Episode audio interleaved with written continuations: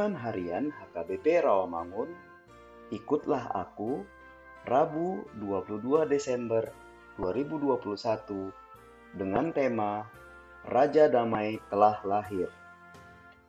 Bacaan kita pagi ini diambil dari Injil Lukas pasal 1 ayat 46b sampai 55. Dan bacaan kita malam ini diambil dari Efesus pasal 2 ayat 11 sampai dengan 22.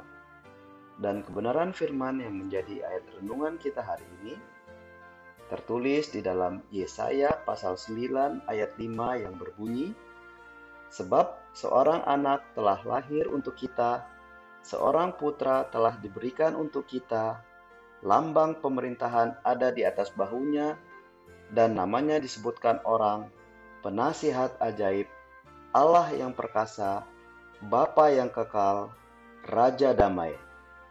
Demikian firman Tuhan. Kata Shalom adalah merupakan bahasa Ibrani yang berarti damai, sejahtera, dan sentosa. Sementara dalam bahasa Yunani, perkataan damai adalah airene, menggambarkan tentang ketenangan yang dinikmati oleh suatu bangsa ketika bangsa itu memiliki pemimpin yang peduli, berkompeten, dan berhikmat.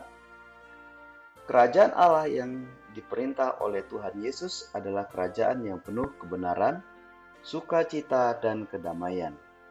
Shalom atau Irene merupakan pemberian Allah serta merupakan tindakan Allah untuk menyelamatkan manusia dari segala bahaya yang mengancamnya. Nabi Yesaya sudah menubuatkan bahwa seorang anak telah lahir untuk kita semua.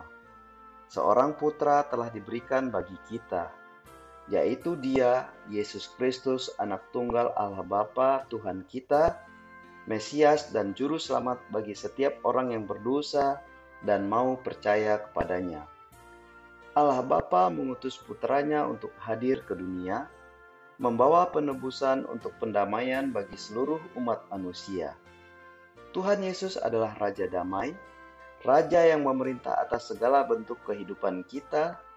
Hal itu berarti bahwa setiap orang yang percaya kepada Tuhan Yesus sudah seharusnya patuh dan setia kepadanya, di mana setiap perintahnya harus dipatuhi dan dilaksanakan dalam hidup ini.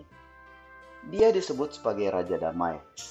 Maka kita sebagai umatnya diajak untuk menyatakan damai dalam hidup kita kepada setiap orang. Marilah kita memakai waktu yang singkat ini untuk senantiasa menyatakan damai dan mau berdamai dengan orang di sekitar kita. Karena tidak mungkin diri kita merasa damai jika kita tidak mau berdamai dengan orang lain. Marilah kita berdoa.